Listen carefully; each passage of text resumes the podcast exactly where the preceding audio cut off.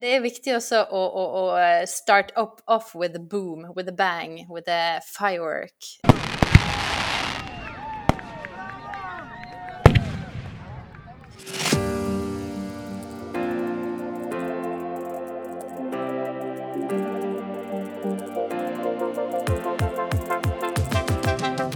Mammas hjerte er en familiepodkast der en vil samtale og drøfte nære og viktige tema som angår familieliv, parrelasjon, barn og barneoppdragelse.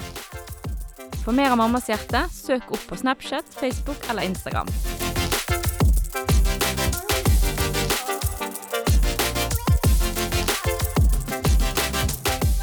Hei sann, og hjertelig velkommen til Mammas hjerte podkast! Det er sol i Bergen, og jeg kan ikke annet enn å si at livet er Det stråler, og det er godt. Det har vært helt fantastiske dager. Sommeren er begynt. Vi kom til juni. Um, hva har du gjort, eh, dere, du og din familie gjort siste uken, eh, Inger Nette? Du, siste uken så hadde jeg kakefest eh, på terrassen min av blant annet eh, deg. Det var veldig kjekt. Vi spiste melonkake. Ja, melonkake, ja. Og, jeg må bare tipse, Kan jeg få lov til å tipse følgeren vår om melonkake? Eh, fordi at Søk opp på Google eh, bilde av melonkake. Det er, jeg er ikke en veldig sånn bløtkaketype. Eh, de der tunge kakene kan jeg fort bli litt eh, kvalm av. Men, men eh, da bare skreller du en melon, kutter den i en kube, fyller den med krem, pynter den med bær. Perfect. En frisk, god eh, kake. Det er jo frukt med, med krem, da. Fruktfat. Men, du kan eh, kutte det opp som kakestykker. Så. Kan, du kan få det til å se ut som om det er en kake, men det er ja. egentlig frukt og bær med krem. Men, det var men hvorfor godt. Eh, hadde vi kakefest hos deg? Du, vi hadde kakefest fordi at uh, en av episodene våre rundet 1000. Da ble det ny kake på 2000. Ja, så det er bare å lytte videre og trykke på de andre episodene. Det var denne her personlighetstest-episoden vår som eh, er veldig godt likt av folk, ser vi. Og det er veldig bra, for den er veldig god. Så den tror jeg folk får mye ut av. Vi har fått inn faktisk flere som spør om å få lov til å ta personlighetstesten, og det viser jo til at det her eh, ga mening hos folk, og de har lyst til å, å bli bedre kjent med seg sjøl og mannen sin. Yes, yes. Vi har med oss en helt rykende fersk, fri, frisk gjest eh, her på tråden. Vi er ikke i studio ennå. Jeg gleder meg til vi kan begynne å ha samtaler våre i studio. Men vi har med oss en fra Østlandet, fra selveste Tigerstaden. Ja, ja, ja, ja, ja. Eh, og det er Birgitte. Hei, Birgitte. Hei. Så koselig du ville stikke innom podkasten vår.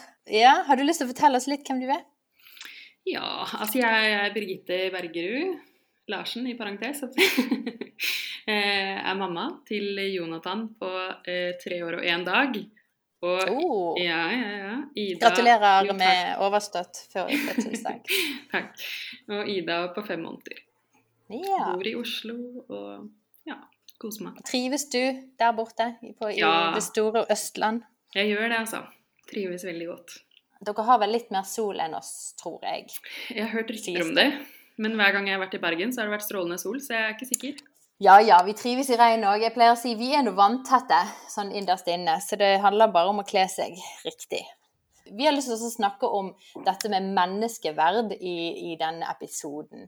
Og eh, dere har jo fått en datter nå med Downs syndrom. Mm. Og så hadde vi bare lyst til å så, uh, Om du kunne fortalt litt hvordan reisen deres har vært det siste året halvannet året?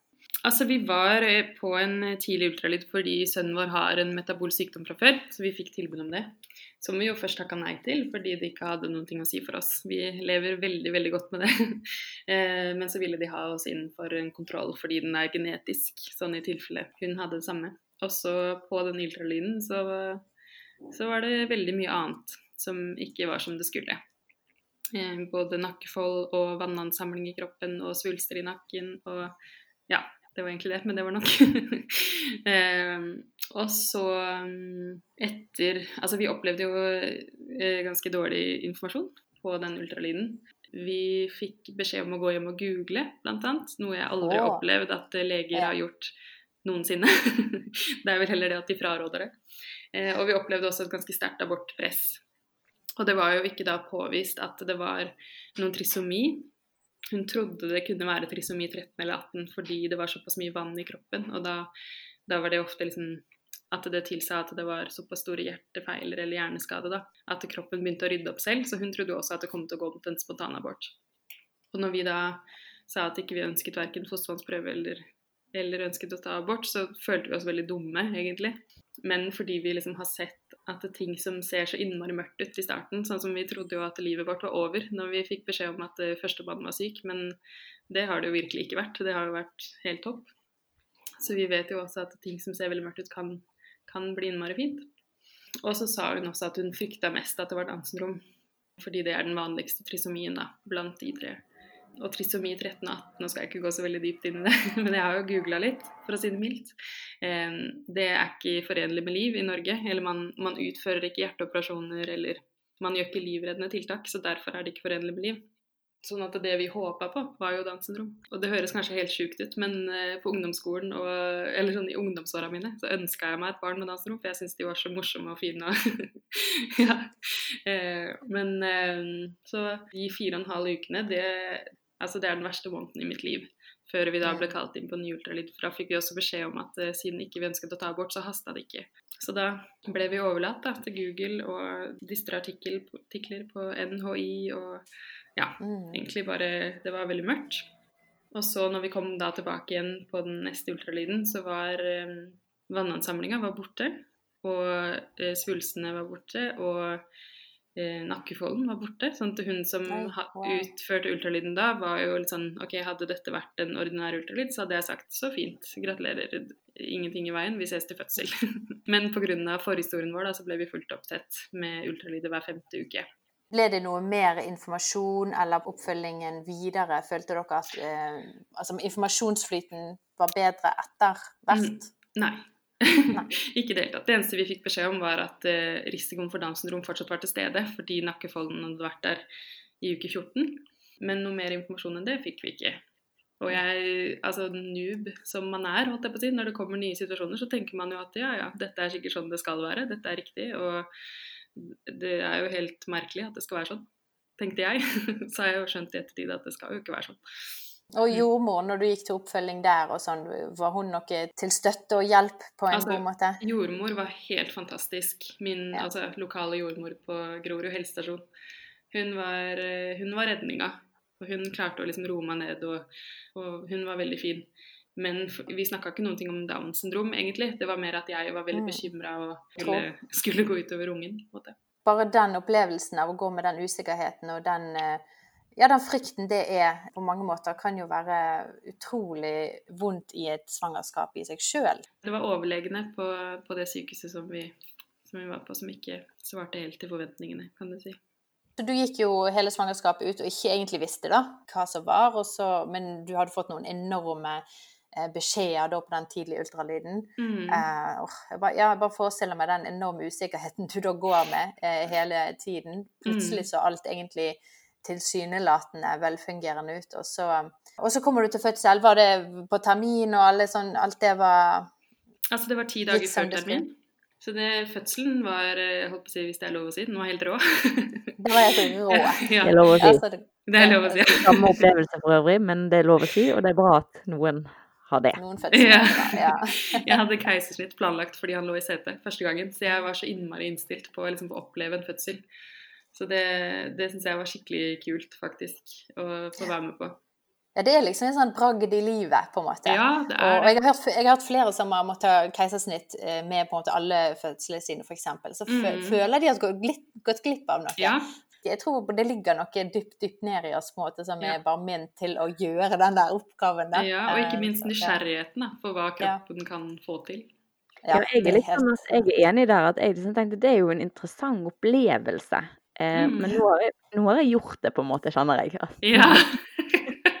ikke nødvendigvis noe som man på en måte tenker at man trenger hadde trengt å oppleve flere ganger, kjenner jeg. For da, flere må man jo det, men, men sånn da blir ikke du grådig stolt av deg sjøl, når du liksom eh, Du gikk de der grusomme ni månedene, og så på en måte gjorde du den enorme bragden etterpå. Man får jo en sånn enorm euforia. Bare sånn Oh, jeg er I'm the queen of the world. Ja, jeg får jo ikke de euforiene som du gjør, da. Det har vi jo snakket mye om på ja. denne podkasten her. Men, eh, men oppi hodet mitt så var jeg veldig fornøyd med egen innsats. Uh, ja, da var du kommet til fødedagen, uh, eh, og, Mhm. og alt gikk supert. Hva skjedde etter det, da? Altså da når jeg på en måte fikk Ida opp på fanget Ida heter hun for øvrig.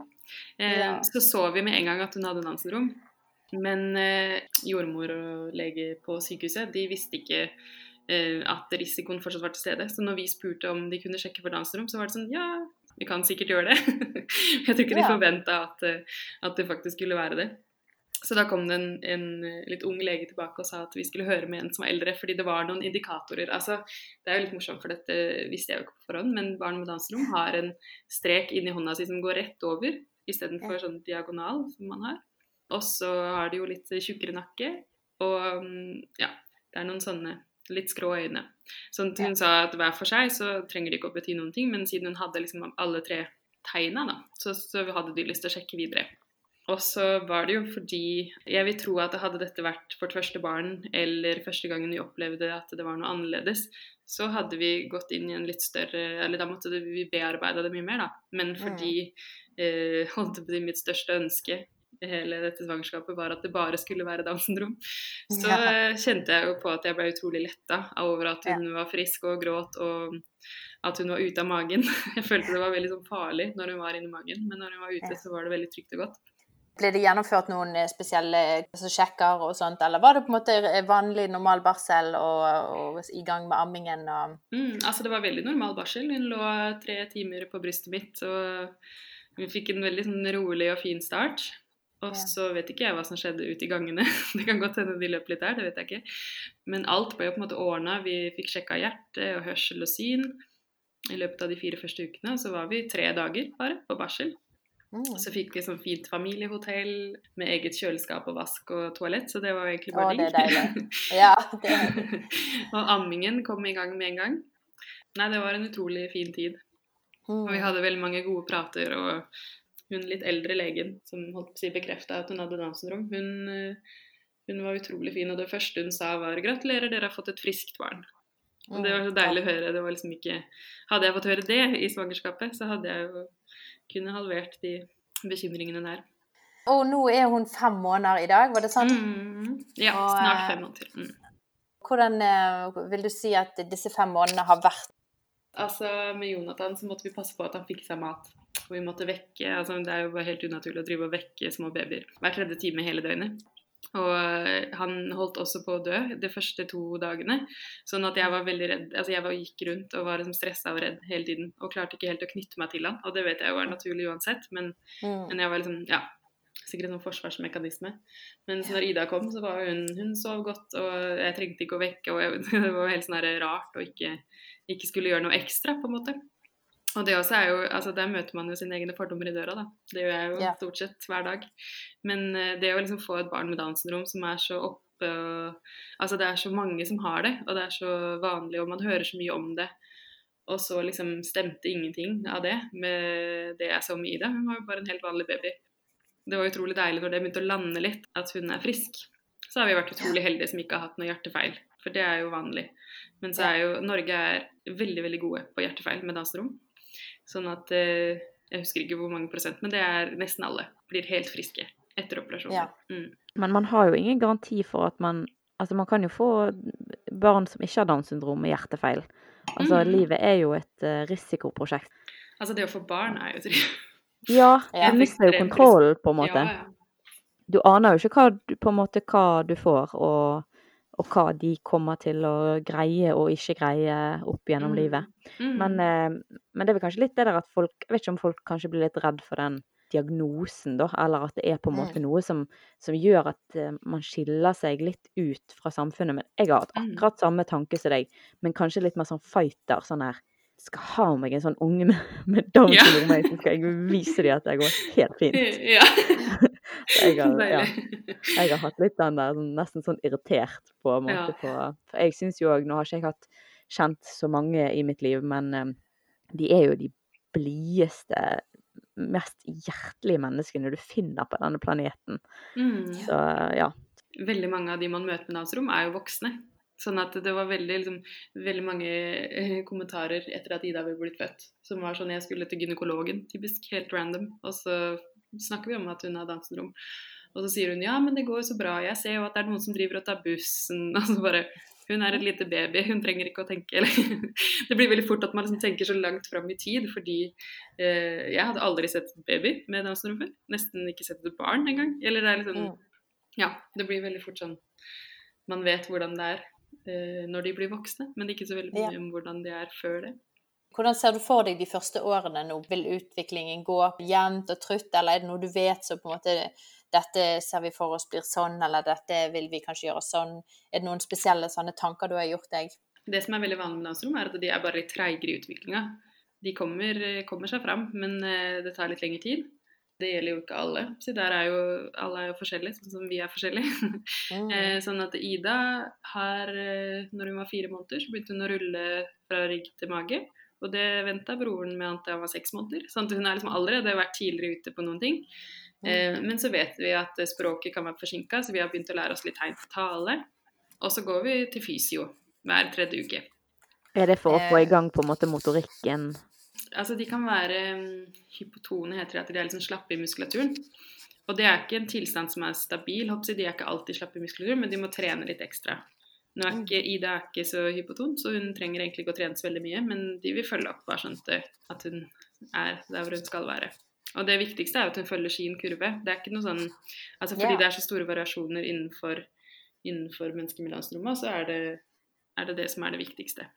Hva eh, andre sånne ekstra oppfølgingsinstanser blir satt inn opp gjennom Jeg tenker skolegang, barnehage og videre. Hun kommer mest sannsynlig til å få sin egen assistent i barnehagen. Og så tipper jeg at en logoped kommer inn.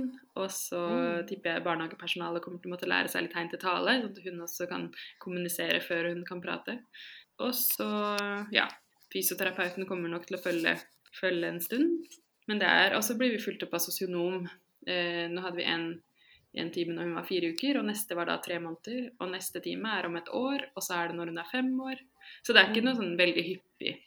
Nei, det veldig Men det høres ja. ut som det er ganske på en måte, Det rommer ganske mye. Det er en ganske god oppfølging. Eh, Veldig. eh, Skulle bare ønske du fikk den samme behandlingen når, eh, når hun var inni og ikke utenfor. Yes, og det er jo, altså, Mm. det er jo mm, På NHI sine sider når man leser om Downs så er det kun nevnt hva som kan gå gærent, eller hva slags tilleggsdiagnoser eller tilleggsting som de kan få.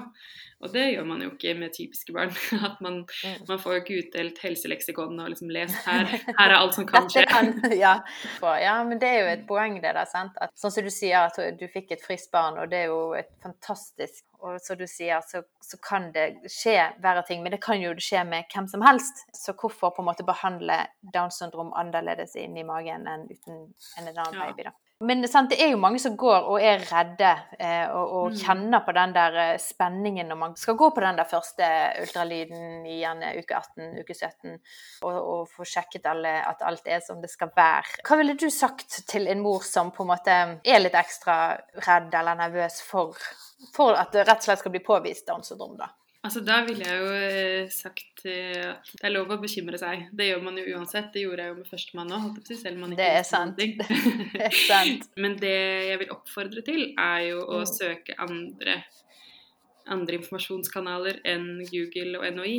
Og eh, si ifra hvis legen sier noe som du kjenner at ikke stemmer. Det, ønsker, det skulle jeg ønske jeg gjorde.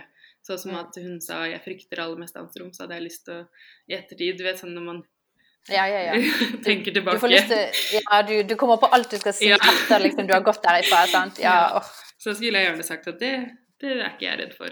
Det er noen Instagram-kontoer, f.eks. Som er Jeg er ikke den eneste som, som får et behov for å snakke opp om hvordan livet med Downs syndrom er, fordi det er så mange utdaterte fordommer. Altså For bare 20 år siden så behandla man ikke stoffskifte eksempel, til barn med Downs Ja. Og derfor så ble de ofte litt slappe og litt slitne og litt tjukke. Og, mens nå er jo altså alt som Alle tilleggsplager som kan komme, kan jo eh, medisineres eller opereres. Sånn at eh, utsiktene er utrolig gode. Og når de før levde, hadde en gjennomsnittsalder på 30, så har den fordobla seg. Nå er gjennomsnittsalderen Oi. 66 år. Og den vil jeg jo tro eh, blir bare høyere jo flere som vokser opp, på en måte. Og liksom medisinske fremskritt da, har kommet så langt at eh, du blir ikke blakk av å kjøpe briller eller høreapparat eller ja. Men det er jo litt sånn her Jeg var hos legen en gang fordi jeg, jeg husker ikke, det var et eller annet jeg skulle. Og så gikk det opp for den legen som var vikar, da, at jeg både hadde astma, Mm. bjørk og gresspollen, eh, og skeiv rygg, og eksem. Altså, det er jo så mange kroniske sykdommer her at man kan jo liksom Mm. Og så bare blir hun sånn Å, herlighet, du har fått alt, du stakkars deg. Mens jeg var litt sånn Ja, altså, det, det går helt fint. Men poenget Ja. er liksom at eh, Altså, jeg har jo kjempemasse kroniske sykdommer, da, tydeligvis. Jeg har jo til og med skeiv rygg. Jeg har skoliose. Det er jo egentlig Ja, det er jo ganske kjipt. Men jeg Mm. tenker at det er liksom det er lett å tenke at eh, noe Sånn som du sa, jeg syns det var veldig godt sagt det der med at noe på en måte som ser veldig mørkt ut, ikke trenger å være så mørkt, da. Det syns jeg Mm. bare åh.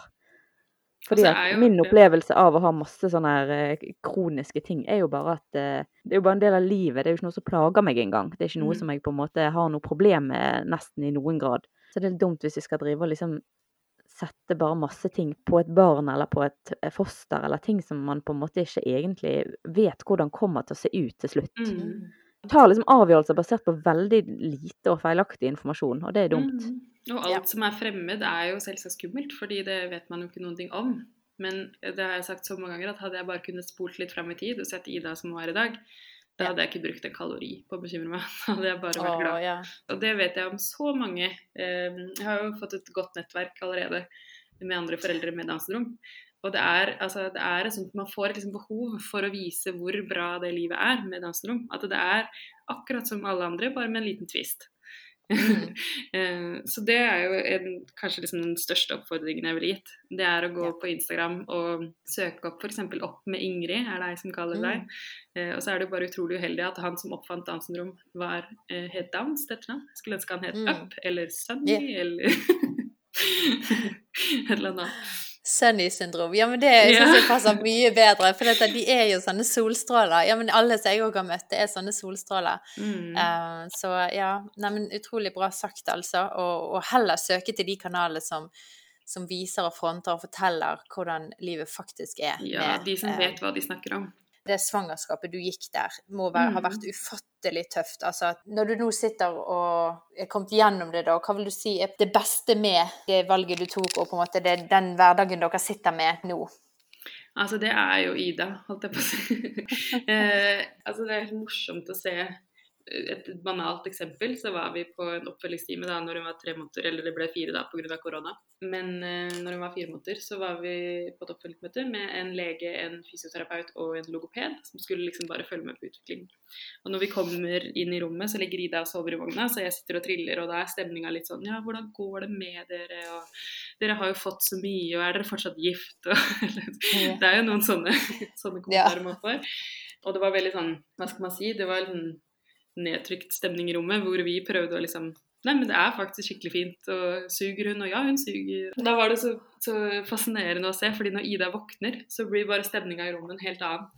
Det var, helt sånn det var som å skru på en lysbryter, på en måte. Og de var bare helt sånn oppslukt og fascinert. Og nei, det var bare utrolig fascinerende å se. Og jeg tror jo at hun kommer til å ha den effekten nesten overalt hvor hun er. på en måte, Og ikke at uh, altså alle, alle foreldre syns jo at sine barn er noe spesielt. Så det gjør jeg òg. Folk med Downs syndrom har jo en helt spesiell utstråling av Mm. glede og på en måte Det er jo Ja, akkurat som de mangler det filteret menneskefrykt som vi har fått. Mm. Mm. Ja, og det er så utrolig befriende. Og det er jo, altså USA har gjort veldig mange undersøkelser, sånn sånn livskvalitetsundersøkelser. Der har ikke Norge begynt ennå. Vi driver og samler inn penger for å kunne gjøre det. Men eh, det er jo påvist at eh, søsken til barn med Downs syndrom blir ofte mer empatiske, de blir mer hjelpsomme, de, blir, altså, de er lykkeligere, og foreldre har færre skilsmisser. og Wow. barn med Downs syndrom, altså 99,6% sier at de lever lykkelige liv og er tilfreds med seg selv, synes de ser bra ut. Og det Mm. kan man jo ikke si om resten av befolkningen. Nei, det er, det er noe med det. Snakk om å hive stein i glasshus, tenker jeg på. Mm. Når eh, det ikke går så godt med resten av oss. Mm. Eh, Du nevnte at dere samler inn eh, til å drive med forskning og sånn. Mm. Vet du navnet på noen organisasjon som Ja. vi kunne nevnt? Ja. Norsk nettverk for Downs syndrom. Bare å Ah. søke opp på Facebook, så er det en innsamlingsaksjon som går nå. Så der oppfordrer vi folk til å søke opp, og gjerne gi en slant for å være med og eh, støtte eh, forskning. Og det har jo vært, altså det har jo vært en sånn eh, sak oppe i Stortinget om bioteknologiloven, og det vi ser aller mest, er jo at folk har veldig lite kunnskap om hvordan det faktisk er. At det er veldig mange antakelser, og nå føler jeg gjenta meg selv, men det er mange gamle fordommer. Og derfor så er jo en sånn, en sånn innsamlingskampanje og en sånn undersøkelse er jo så på sin plass for å liksom vise at det er faktisk et veldig fint liv. Ja, der har jo du vært et fantastisk eh, forbilde å stemme ute i Norges land og Mm. fortelle om din historie. Det innlegget som du la ut på Facebook for noen uker siden, det, det nådde jo veldig langt. Og jeg Mm. tenker at det er godt for folk å på en måte ja, å få den infoen. Fordi at Mm. eh, veldig mange liker jo informasjon, og sånn som du sa, at man er redd for det ukjente. Men kanskje ikke man egentlig er redd hvis man hadde visst hva man, hva man potensielt gikk til. Da. I hvert fall jeg er litt sånn at eh, så lenge jeg har liksom informasjon på godt og vondt, så Mhm. går det meste fint for min del, altså. Altså er jo, altså Hverdagen kommer jo. Når vi forteller om hvordan sykdommen til vår sønn fungerer, så blir folk sånn åh, hvordan orker dere det?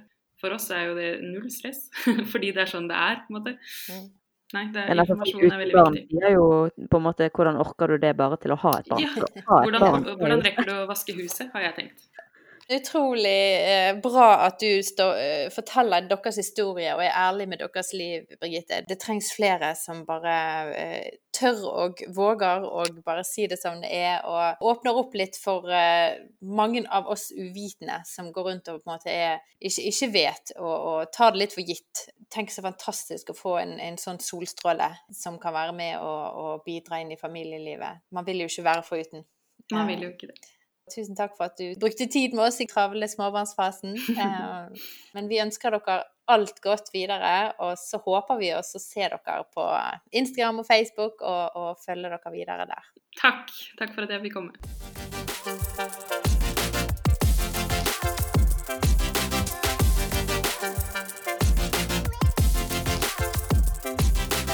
Hvis du har spørsmål, tilbakemeldinger eller ting du tenker på rundt det vi snakket om i dag, så har vi veldig lyst til å snakke med deg. Du kan kontakte oss på Snapchat, Instagram og Facebook. Der svarer vi alle meldinger. Så skriv oss en melding. Vi har veldig lyst til å chatte litt med deg.